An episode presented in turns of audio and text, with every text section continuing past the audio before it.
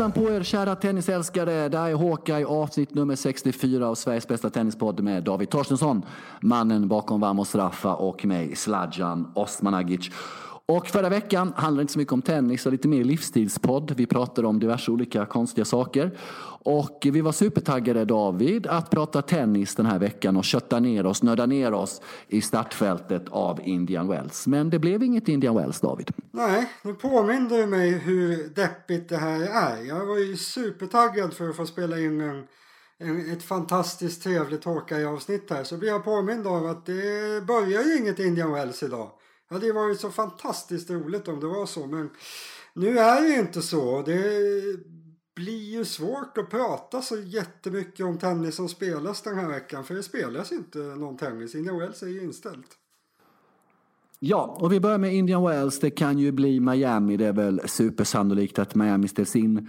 Monte Carlo eh, i april eh, ligger ganska mycket i farozonen med tanke på att det ligger väldigt nära Italien som för tillfället är helt igenstängt i karantän. Och eh, på mitt jobb David, jag jobbar ju, eh, får vi inte komma till kontoret de närmsta 14-15 dagarna. Det gäller det hela det här kontorskomplexet med 10-12 olika skyskrapor. Det är alltså helt igenbommat då för att man liksom ska försöka ja, säkerhetsställa och så vidare och så vidare. Och eh, ja, David, den stora frågan är Ska vi spela Roland Garros inför tomma läktare eller vad gör vi? Om vi börjar i den änden, för det är väl det vi tittar lite framåt mot va? Ja, det får ju bli så. Alltså, det kommer ju Madrid också. Det, man kan ju säga som du säger, Monte Carlo, den är ju såklart helt out. Det finns inte möjlighet. Ligger precis vid Italien. Rom, det är ju helt omöjligt att det kommer spelas en ATP-turnering i Rom. Sen det, det blir väl Franska öppna någonstans som blir det närmaste som egentligen finns en realistisk chans att det ska spelas skulle jag säga. Jag vet inte om det är domedagstänk det här men jag ser liksom inte, de börjar slänga ner sporten i fler och fler länder och börjar prata om att ställa in SM-slutspelet i hockey i Sverige och hit och dit. Alltså det, det kommer ta veckor och månader. Jag tror jag, jag har aldrig någonsin hoppats mer att jag har fel. Både beroende på mitt tennisintresse och liksom eh, världens välmående så att säga. Men nej, det, det kommer inte att bli något innan Franska öppna. Sen är väl frågan vad man gör där. Jag menar, är det lite stabilare än vad det är nu och man har börjat få lite kontroll på spridning och så vidare. Då skulle man väl kunna köra inför tomma läktare. Eh, Sen måste man väl också säga det, frågan är hur länge tennisspelarna själva kommer vilja resa runt och spela tennis eh, och så vidare. Men är Franska öppna, vad säger du? Tror du att det finns en realistisk chans att det blir av? Ja, inför tomma läktare. Men eh, annars kan det ju bli superkomplicerat, eh, absolut. Eh, så att, eh, för det är ju då andra veckan, eller sista veckan i maj den drar igång. Va? Så det är inte sådär jättelång tid. Eh, så att eh, något annat än tomma läktare kan ju knappast kännas aktuellt nu. Och det skulle väl vara den första Grand Slammen eh, inför tomma läktare. Jag menar, det är väl mycket bättre att spela inför tomma läktare än inte spela alls. Eller vad känner du? Ja, men jag, jag tycker någonstans det. För alltså, det är klart att ingenting är ju bra här. Det kommer bli dåligt. Det är redan dåligt. Jag menar, Indian är inställt. Miami kommer ställas in. Eh, grusturneringarna i början av sommaren kommer ju också ställas in. Allt annat är orealistiskt. Men sen får man väl titta. Alltså, finns det en möjlighet att hålla igång tennisen och spela inför tomma läktare? Jag menar, om det går att flytta runt spelarna till spelorterna på ett säkert sätt och liksom genomföra de här turneringarna inför stängda dörrar. Alltså det man ska veta med tennisen någonstans det är att tennisen är ju en tv-sport i grund och botten. Alltså det är lite som golf. Jag tycker att det är superduper roligt att gå och titta på golf på somrarna när eh, det eh, är Europatour-tävlingar i Sverige. Men alltså det är idrotter som Ja, men det stora, den stora tillgången det är att det gör sig väldigt bra på tv. Eh, och, alltså, det skulle funka att genomföra egentligen hela säsongen inför tomma läktare.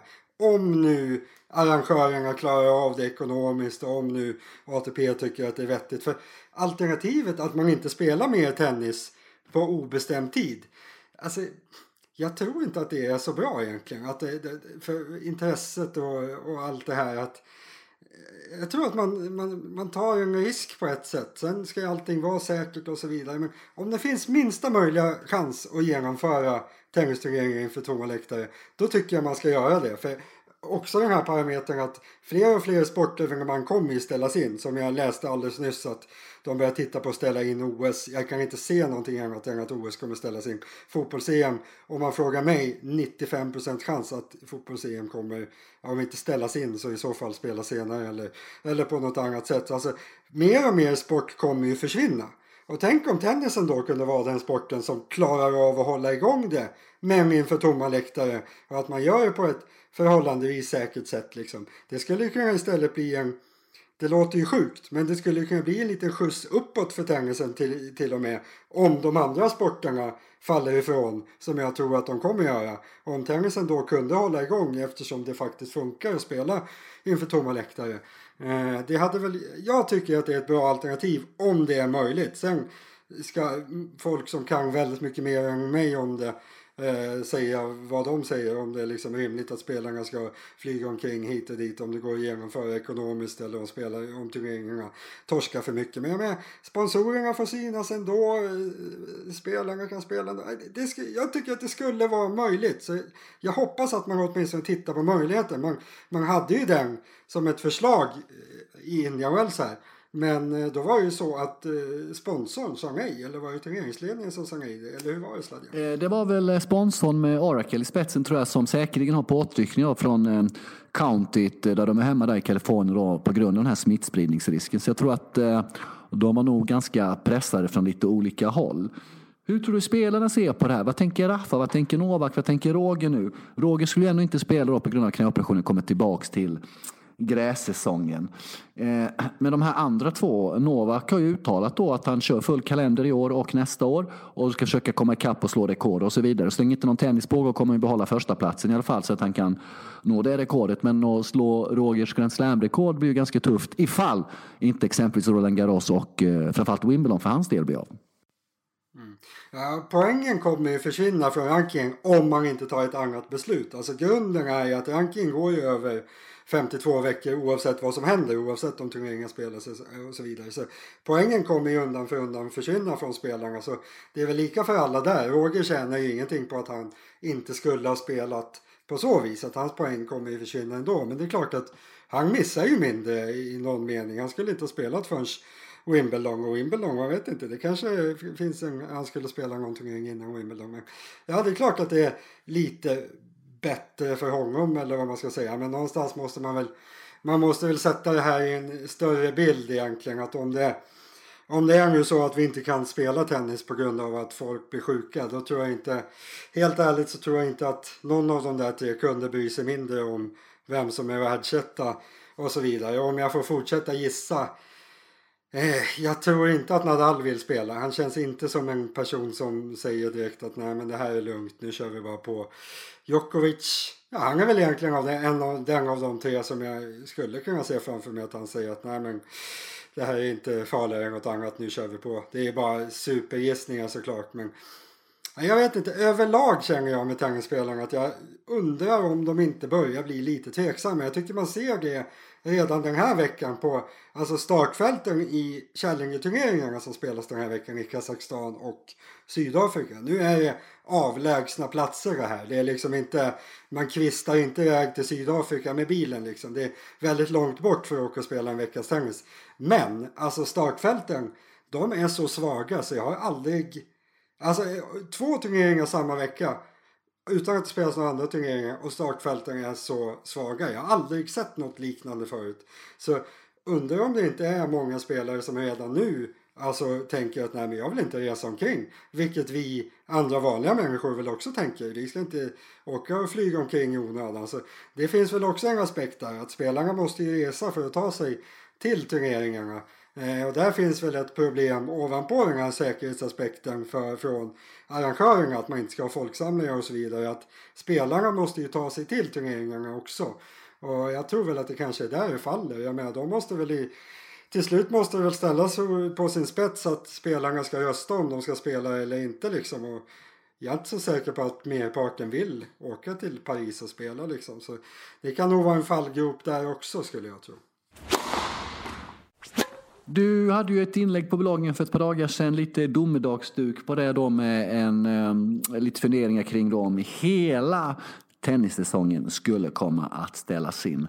Eh, det låter inget vidare kul om det skulle bli så David. Nej, alltså då kändes det som domedag. Jag kommer ihåg när vi pratade om det här i telefon du och jag i förrgår. Då sa jag liksom, nej men det kanske blev lite mycket domedag för det jag kanske drog på. Men det där var min känsla då. Och nu, alltså två dagar efter jag skrev det där. Eh, nu vet det fasiken om det känns så mycket domedag längre. I alla fall inte när man ser till utvecklingen i Sverige liksom. Med, när man börjar prata om att ställa in när man ställer in eventuellt hockeyslutspelet och när man börjar prata ens om att ställa in OS och, och fotbolls-EM. Alltså, det här är evenemang som är, inte hockeyslutspelet men OS-EM som är gigantiska även med, jämfört med tennisen. Att, alltså, att man skulle kunna spela tennis om man ställer in OS. Det känns ju inte särskilt troligt, i alla fall inte med publik. Så Nej, men om jag skulle sätta odds på det här just nu sladjan så skulle jag ha det som favorit att det inte spelas någon mer tennis i år. Hur deppigt det än kan låta. Men alltså jag skulle, jag skulle säga att det är favorittippat att man ganska snart säger att nej men vi, det blir ingenting mer i år. För eh, alla prognoser som man ser att de här gör det är att det här kommer ju inte droppa av förrän tidigare höst. Och att hålla det öppet med höstturneringarna när det börjar bli de här asiatiska turneringarna dessutom. Eh, det känns ju liksom det känns som att de inte tjänar någonting på det riktigt. Så, nej, men om jag får gissa så de kommer säkert hålla det öppet några veckor till. Men sen tror jag att beslutet blir att vi eh, stänger ner det här och sen, sen gör man eh, liksom bestämmer man hur man gör med ranking och allt sånt och sen har man som ett uttalat mål att vi kör första veckan i januari nästa år. Det låter ju helt sjukt. Det låter ju liksom som eh, science fiction men det, jag, jag, tror, jag tror att det är större chans att det blir så än att det inte blir så. Sen när det kommer till fotbolls-EM som du tog upp, eh, vi spelar in detta onsdag, så är det senast att flera olika nationsförbund, bland annat det italienska förbundet, har bett Uefa att skjuta på EM-slutspelet till kommande sommar så man ska kunna avsluta ligorna då. Det kan ju bli lite tajt och man kommer inte spela alla omgångar i vissa situationer och så vidare och så vidare och så vidare. Min personliga uppfattning kring fotbolls-EM är då att Uefa har väl sannolikt budgeterat med de här tv-avtalen och intäkterna det här året. Så att jag skulle nästan eh, satsa en peng på att fotbolls-EM blir av, men inför tomma läktare tyvärr. Rätt igenom. Tror du att man kommer spela, tror man kommer spela i alla olika länder som man har bestämt nu? Eller kommer man försöka ta spelarna till en spelplats och raska av matcherna där i så fall? Det är en jätteknepig fråga. Vi vet ju sedan tidigare att eh, fotbollen är ganska driven av pengar. Framförallt det kommer ett år till mästerskap, Fifa och Uefa. Eh, och eh, vi vet då att det här EM-slutspelet då ironiskt nog ska spelas i 13 olika länder så att så många olika, många olika möjliga människor som ska ha möjligheten att se detta då så att säga. Stockholm och Friends Arena var en av städerna som sökte men inte fick det. Det kan ju bli ironiskt nog då att det blir färre än någonsin som, som har möjlighet att se ett EM-slutspel. Men att flytta det till 2021 eh, känns ju just nu kanske som en, som en rimlig tanke då men eh, det är ju eh, i slutändan av dagen Uefas beslut det där och eh, ja det handlar väl om pengar att igen efter dig. Och frågan är om inte ett sommar-OS som är världens största idrottsevent, är inte det för stort för att ställa in eh, på något vänster? Jo men, det går väl, jo, men det går väl på lite fel plats tror jag för att alltså nu ska man väl inte generalisera allt för mycket men av det jag läste om det här så var ju Japan väldigt tidiga ute med att liksom dra i nödbromsen som vi i Sverige kanske inte har gjort. Att de liksom, de slog på stora trumman redan innan de ens hade så mycket av corona där och det är klart att liksom arrangörsnationen har ju såklart ett, ett tungt ord med i laget och att Alltså OS, om vi pratar mardrömsgrejer. OS det är alltså det, det är den största mötesplatsen för folk från olika länder någonsin. Liksom, en gång vart fjärde år. Där folk sammanstrålar. Alltså, det, det måste ju vara det som man minst ska göra när det sprids sån här smitta i vägen. Så jag skulle säga min personliga åsikt är väl att OS det är helt stekt. Det kommer inte bli av i år. Det måste de flytta på. EM som du säger, din teori där, den tror jag väl kanske lite grann på ändå med tillägget att jag tror att man kommer hålla det till ett par orter och försöka förenkla det så mycket som det går. Bara gissningar såklart men nej, OS tror jag inte kommer bli av i år. Alltså det, de måste de måste skjuta upp det där. Det blir ingen tennis där i år heller. Det skulle jag spela där. Det hade blivit konstigt om man skulle spela en tennisturnering i år. Det ska man ju också tänka på att all sport kommer ju bli inställd mer eller mindre i Europa närmaste tiden.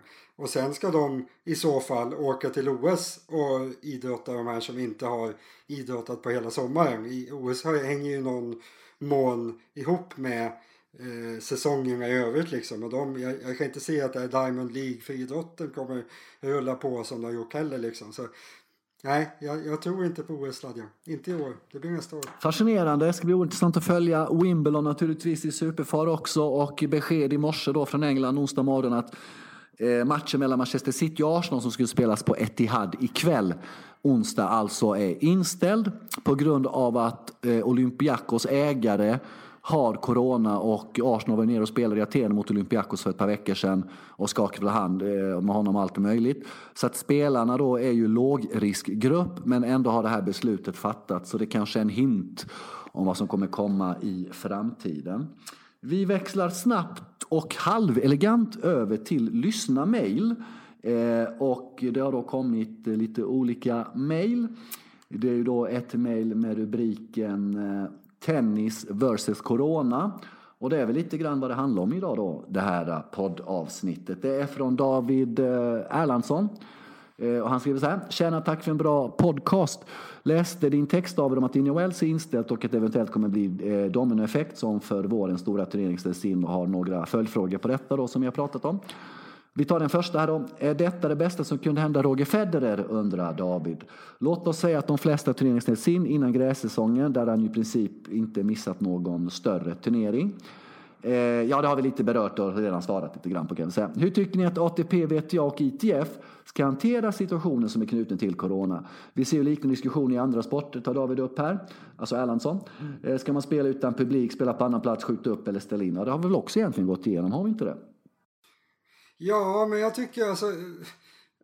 Det första måste ju vara det här med säkerheten. Alltså man måste titta på, går det att föra hit spelarna eller lagen till den här spelplatsen utan att det, det, det blir någon alltför stor förhöjd risk. Och kan man det, då tycker jag att man ska fortsätta spela eh, så mycket sport som det går inför tomma läktare.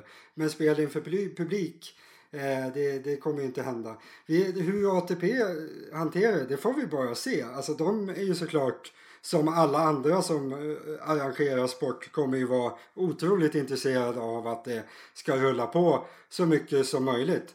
Eh, Sen alltså, de kommer inte kunna bestämma helt själva. Jag menar, det är väl möjligt, det är inte alls omöjligt att rörelsefriheten kommer börja påverkas. Att man helt enkelt inte får resa hur man vill. Och då är ju tennisen helt dödsdömd. För tennisen bygger ju på att, att folk ska kunna resa mellan spelplatserna hela tiden. Så, eh, ja, det, vi, vi har väl pratat om allt det där eh, helt enkelt. Jag tror Eh, ATP kommer säkert dra ut på det här så mycket som det går. De berättade ju att Indian Wells var, var inställt. Men de har egentligen inte sagt någonting mer. Jag tror alltså de avvaktar väl bara och ser. De behöver ju inte vidta några åtgärder förrän det är dags för en ny turnering egentligen. Att nästa besked från dem blir säkert att Miami är inställt. Och sen efter det kommer de ju börja titta på grussäsongen om det finns någon som helst möjlighet att spela vissa turneringar om nu spelarna vill det. Eh, men jag tror det, det blir inga bra besked från ATP närmaste dagarna eller egentligen veckorna utan det, det där kommer nog eh, de kommer nog följa hur det utvecklas för ingen vet ju hur, hur långt det här kommer gå. Det finns ju fortfarande en teoretisk möjlighet i alla fall att man kommer lyckas liksom kapsla in det här och eh, det dör ut. Senast i, i helgen sa ju fortfarande han smittskyddschefen i Sverige att det skulle pikat i måndags. Han, han hade ju inte helt rätt kan man säga men, men det finns ju liksom alla har ju inte gett upp och sagt att det är liksom att det här kommer att urarta eller vad man ska säga. Att det, det finns ju fortfarande en chans att om en månad då kanske det är under kontroll eller det har hänt någonting liksom. Så man, man ska ju liksom inte kasta yxan i sjön. Alls så tycker jag. Men min gissning är i alla fall att nej, men det, det kommer nog dra ut lite på tiden när det gäller ATP. Och, ja, vi får se helt enkelt. Sen tar David också upp Erlandsson då det här med hur det här kommer påverka ekonomin på Challenger och Future-spelare som har det ganska kämpigt som det är. Eh, med massa inställda turneringar och så vidare. Det blir en väldig press eh, ekonomiskt på dem då som är betydligt större än den press de har som vanligt. Ska nationsförbunden långt gå in och kompensera här undrar David? Det är ju en intressant frågeställning onekligen. De blir berövade arbetstillfällen.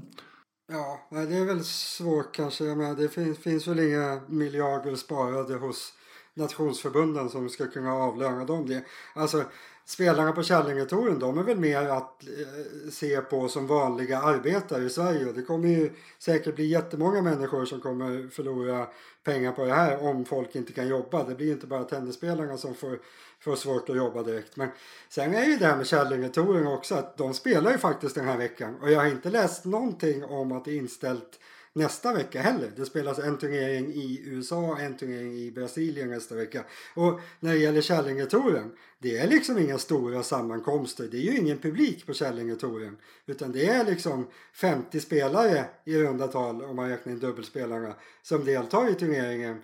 Och alltså den typen av verksamhet, den kommer väl rulla på Tror jag i alla fall. Det finns ju klara möjligheter att den kommer rulla på. Så att Kärringetoren ska kunna fortsätta. Där säger jag att det är absolut inte omöjligt. För den är inte kopplad till eh, publik alls på samma sätt.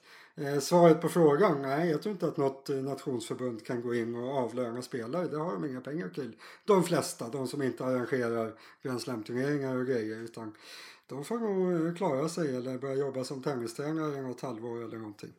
David, eh, vi har ett tack David Erlandsson till att börja med för ditt mejl så har vi ett nytt mejl från Fredrik Elftorp som har skrivit till oss. Det handlar om Roger Federer. Men innan vi går in på det så har vi då en nyhet relaterad till Roger då. Det är att hans gamla RF-logga som han hade under Nike-tiden får han nu återigen använda på något vänster. Uniqlo som han har kläder från nu.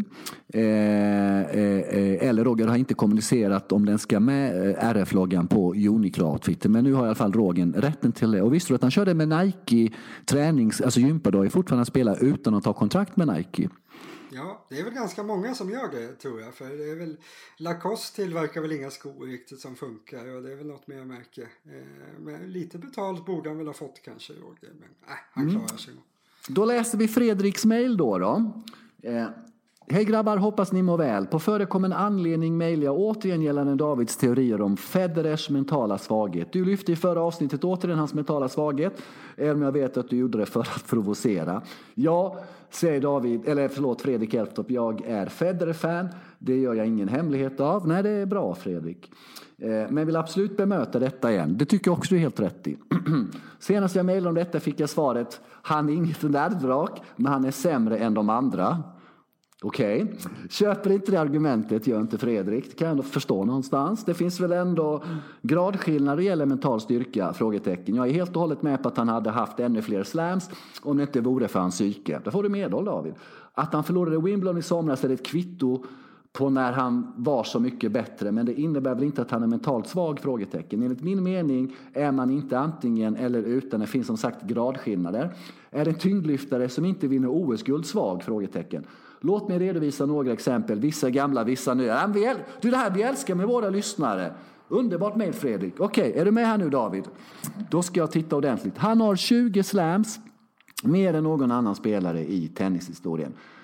Det har man inte om man är mentalt svag. Ja, det, det kan jag ju köpa så här vid sidan av. Objektiv som inte vill blanda med i eran grej här. Nästa grej. Han har vänt trenden mot Nadal. Men den är jävligt bra den poängen. Finalen i Australian Open 2017 är ett utmärkt exempel på det. Inte bara vinner han, han vände ett underläge i avgörande set mot en av tidernas bästa spelare som han traditionellt har jättesvårt för. Det gör man inte om man är mentalt svag. Australian Open 2020.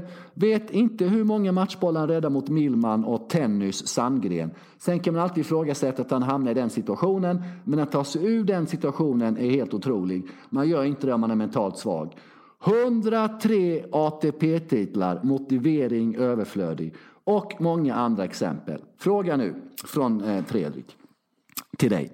Är alla som har sämre psyke än Djokovic, vars psyke är extremt svaga? Frågetecken. Enligt min mening är han en av de absolut mest mentala starka spelarna på touren. Sammanfattningsvis, presentera gärna lite nyanser när du redogör för Federers psyke. Man är inte antingen eller. Med vänliga hälsningar Fredrik Elftorp. Tack för ett utmärkt mejl. Fredrik, David, du går i replik här. Jag har ett jättebra svar på det ehm, allt jag gör, det är att jämföra folk. Alltså allt, nästan allt jag skriver. Om jag skriver negativt om någon, då är det sällan för att jag tycker att den är dum i huvudet eller helt värdelös. Jag jämför den med något annat. Som när jag, vi pratade mycket om Fredrik Rosengren förra, gång, förra veckan. När jag skriver negativt om honom då är det för att jag tycker att han är sämre än alla andra eller än vissa andra eller än någon annan. Jag, alltså, jag tror, sen, sen behöver det inte betyda att jag tycker att den här personen jag skriver om, vem det nu är, är helt värdelös. Men den kan vara sämre än jämförbara personer. Om jag tittar på, om jag ska jämföra Federers psyke med andra spelares psyke. Djokovic är etta i världen. Han har mycket bättre psyke än Federer, det tror jag alla är överens om. Eh, Nadal är tvåa i världen. Han har tappat väldigt mycket på det mentala planet. Så jag vet inte om han är så mycket starkare än Federer numera. Men jag hade nog valt Nadal före honom ändå. Eh, team trea i världen. Otroligt mentalt stark. Klasskillnad mellan honom och Federer. Eh, Medvedev, femma i världen. Ja, varken eller. Eftersom jag ser Federer lite på minussidan psykiskt så skulle jag säga att Medvedev har fördel mentalt där. Sen är Federer bättre och så vinner oftast ändå. Men nej, Medvedev känns starkare. Tsitsipas utan tvekan mentalt starkare. Då har vi raskat av de sex bästa spelarna i världen och Federer är i min väg inte klart sämst men han har alltså en, två, tre Tre spelare av de sex bästa i världen är mycket starkare än honom mentalt. Eh, två spelare är lite starkare mentalt än honom. Sen har vi Zverev. Han kan, jag, jag säger Zverev är mycket sämre än Federer mentalt. Så det finns de som är ännu värre. Men om man jämför med de absolut bästa i världen så är Federer sämst av dem. Så han har ju svagt psyke. Sen är det svårt att jämföra med de andra spelarna. med det, det går inte att jämföra honom riktigt med någon som är 20, 30, 40, 50 i världen riktigt. För då är det liksom olika nivåer. Då kan man inte riktigt säga. Men med de jämförbara spelarna så är Federer sämst mentalt och därför säger jag att han är svag mentalt. Men om Roger hade fått in en av de här två matchbollarna mot Novak i Wimbledon i somras, hade vi haft ett annat intryck då? Nej, absolut. Alltså det är ju inte det. Det här är ju en bild som liksom har varit över många år att han har haft svårt i pressade lägen. Så i alla fall för min del eh, absolut inte så utan det här har ju liksom varit egentligen ända sedan Sen Nadal kom upp och så att säga stoppade ner Federer i, innerfickan. in i fickan. Sen dess har han liksom känts ganska svag när han har mött de absolut bästa. Så det är alltså det är 15 år snarare än sommarens torsk i Wimbledon-finalen som ligger bakom min bedömning. Jag vet, men du måste ju ge någon cred för att han har vänt steken mot Raffa ändå då, som Fredrik mycket ja, riktigt. Och vad jag menar också... Precis, ja. ja. Kör. Och man ska liksom ha... Man ska, man ska veta på vilken nivå jag säger det. Men Federer är en av tidernas största idrottsmän. Han är kanske tidernas liksom, tredje bästa tennisspelare, tidernas största tennisspelare. Han är den som har vunnit mest av alla. Alltså, han, är, han är en gigantisk idrottsman. Det är bara det att jag jämför honom med, med liksom idrottsmän som är helt fantastiska också. Och då är ju just Federer, han har ju spelmässigt så har han ju få övermän. Det tycker väl alla. Alltså alla ser väl hur bra han är på att spela liksom. Så han, eh, det verkar helt ologiskt att han inte vinner mer med tanke på hur bra han spelar. Men då är ju liksom, det har varit lite det mentala som har gjort att han inte riktigt har fått med sig matcher. Och det betyder inte att han är någon slags nervvrak. Han är snarare, alltså han är ju stark mentalt jämfört med alla oss dödliga. Det är bara det att de som är uppe på den här nivån och spelar final i Grand Slam-turneringar och semifinal i Grand Slam-turneringar. Alltså de har ju tagit sig dit för att de är så starka mentalt så det, det går liksom inte ens det går liksom nästan inte ens att förstå det. Så Federer, han, han har ju bättre psyke än oss alla. Det är bara det att han möter liksom järnmonster. Och då framstår han som mentalt svag i förhållande till dem. Sen han, han, han är inget vrak jämfört... Jag är fan så mycket mer vrak än vad Federer är, det kan jag säga. Men jämfört med Djokovic är Federer ett vrak. Det finns grader i helvetet. Om du nu föreställer dig Roger, framför, om du blundar och visualiserar Roger framför nu. Är han på rehab och jobbar med knät eller äter han choklad?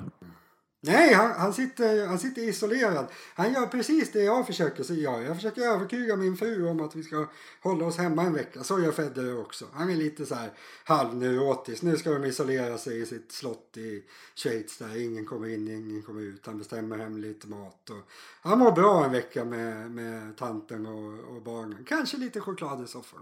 Yes, så har vi en sista fråga från Nathaniel Blomberg som är omöjlig att svara på. Vem är den bästa tränaren gentemot touren? Och egentligen är det ganska enkelt att säga Marian Weider vad han har gjort med Djokovic under alla dessa år. Först då Ta bort kanske, eh, ta, eh, ta bort då Federer och Nadal-dominansen, gå in och dominera totalt själv då massa år och sen komma tillbaks då från en Novak. Kvar det här nervraket han var ett tag och återigen bli världsetta. Men Nathanael och David Torstensson tycker mycket om dig David. Det kanske inte alltid framgår i den här podden men eh, det är ett nöje att få jobba med dig. Och min undra är, ska man kanske omforma den här frågan till vem är det egentligen som har det bästa tränarteamet? Det kanske handlar om team. För de, om vi tittar på Rafa, Novak, Roger, de jobbar egentligen med dubbla tränare. I Rogers fall är det han eh, Ljubicic från Banja Luka i Bosnien där de upptäckte två coronafall förra veckan. Far och son som varit i norra Italien och jobbat. Han har ju även Severin Lutfi, då schweizaren som varit med till och från eller hela tiden lite grann i bakgrunden. Man jobbar med fysioterapist, man jobbar med fitnesstränare. Du har manager som sköter ekonomiska. Novak jobbar med Vajda och Ivanisevic. Eh, eh Raffa kör ju, vad heter han nu för tiden, han som var så bra en gång i tiden. Eh, Moje är det väl va? Eh, och så, och så har han ju en assisterande där också. Är det så kanske att vi ska prata med vem som har det bästa teamet, att alla om teamsammansättningen på fyra, fem personer som alltid är kring de här spelarna? Ja, absolut. Det är ju det fullt rimliga. För jag med, det, det är absolut inte för de här spelarna på den här nivån. Då är ju inte längre bara en tränare utan det är ju som du säger, det är tre, fyra, fem som jobbar med olika saker. Sen alltså svaret på, på frågan från min sida är fortfarande att det är, jag klarar inte av att, att bedöma det. Eh, det. Alltså, det går att bedöma utifrån, eller i alla fall man kan försöka om man tittar på fotboll eller hockey. Man kan, man kan liksom se hur laget spelar och sen kan man kanske på något sätt koppla det till huvudtränaren att den har gjort någonting bra. Men i tennis, alltså det är så otroligt stor del spelaren som ändå är helt ensam på banan och, och det är liksom spelaren som ska göra allting. Så hur mycket en tränare kan göra, det är också så fruktansvärt individuellt för varje spelare. Liksom. Vissa spelare kan man säkert göra ganska mycket för. Monfils bra exempel. Liksom. Tänk om han hade fått en jättebra tränare som han hade gjort allt som den säger precis i början av karriären. Då hade Monfils kanske haft en helt annan karriär. Om man ska ta motsatsen skulle jag säga Federer. Alltså vad ska någon lära Federer? Det enda som Federer skulle kunna behöva det är väl möjligen en hjärnskrynklare liksom som får honom att, att bli... Men alltså, vem ska lära Federer något taktiskt eller tekniskt inom tennisen? Det måste ju vara angränsande till till omöjligt. Så jag, jag tror att Federers tränare, det är mer, de åker med och han bollar och, och hänger lite med dem. Men, men alltså, de, de, kan inte göra mycket för honom. Medan jag tror att Nadal å sin sida är väldigt beroende av sina tränare. Djokovic kanske någonstans mitt emellan. Men att säga vem som är bäst. Alltså jag kan, kan det inte. Om någon säger att den kan det så vet det fasiken om den kan backa upp det. Så det är en omöjlig fråga i just tennisen skulle jag säga. Men det om visdomsorden avslutar vi veckans Hawkeye nummer 64 totalt i ordningen. Det har handlat mest om coronaviruset av naturliga orsaker. Mm. Stanna hemma, var rädda om varandra, håll koll på er eller släktingar. Eh, om någon eh, nyser eller är snuvig, håll dem borta från allting. Jag är supernojig för min mamma hemma i Sverige kan jag säga David. Super, supernojig är jag.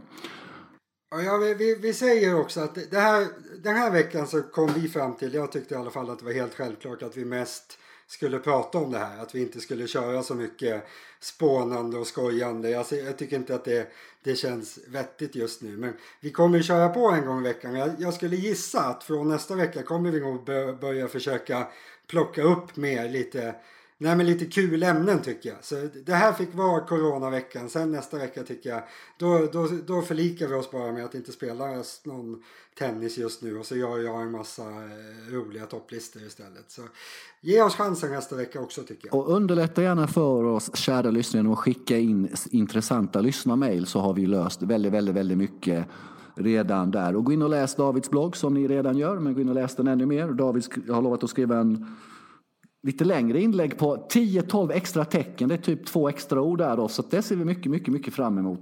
Kanske ett extra stycke framåt lördagen då. Det är ju ändå lördag. Nej, men det kan bli bra det här sladden. Jag har bara förlikat mig med att det inte spelas något tennis. Då kommer jag börja göra roliga grejer där också. Då kommer det bli en massa påhittade topplistor och allmänt spånande. Det var ju så jag började skriva om tennis en gång i tiden. Att jag bara satt och allmänt spånande om tennis. Jag, jag tycker inte du ska underskatta min förmåga att hitta roliga grejer. Jag, tror, jag, jag, kommer, jag kommer klara mig ur det här. Jag kommer eh, hålla igång ändå. Så fortsätt eh, besök eh, varmastraffar.se som ligger hos våra kompisar. Det är ju mycket passande det du säger där, för jag har en sån här notification inställd på min mobil då, att eh, när det kommer något roligt på din blogg ska det plinga till och det har fortfarande aldrig plingat till. Så jag ser fram emot lite pling här framöver då. då. Det är det du försöker säga? Oj, vilken sågning! Vilken sågning! Ja, ja. jag försöker stimulera dig till att leverera under veckan så att vi besökare, vi konsumenter... Du sa ju precis att det aldrig har publicerats något roligt på min blogg. Ja, men... Det har aldrig plingat. Men eh, David, vi har inte träffats många gånger men vi har ju jobbat tillsammans i ett år och vi hörs ju mest genom lur och sånt. Har du uppfattat mig som en person som skulle kunna ställa in något sånt ens på telefonen?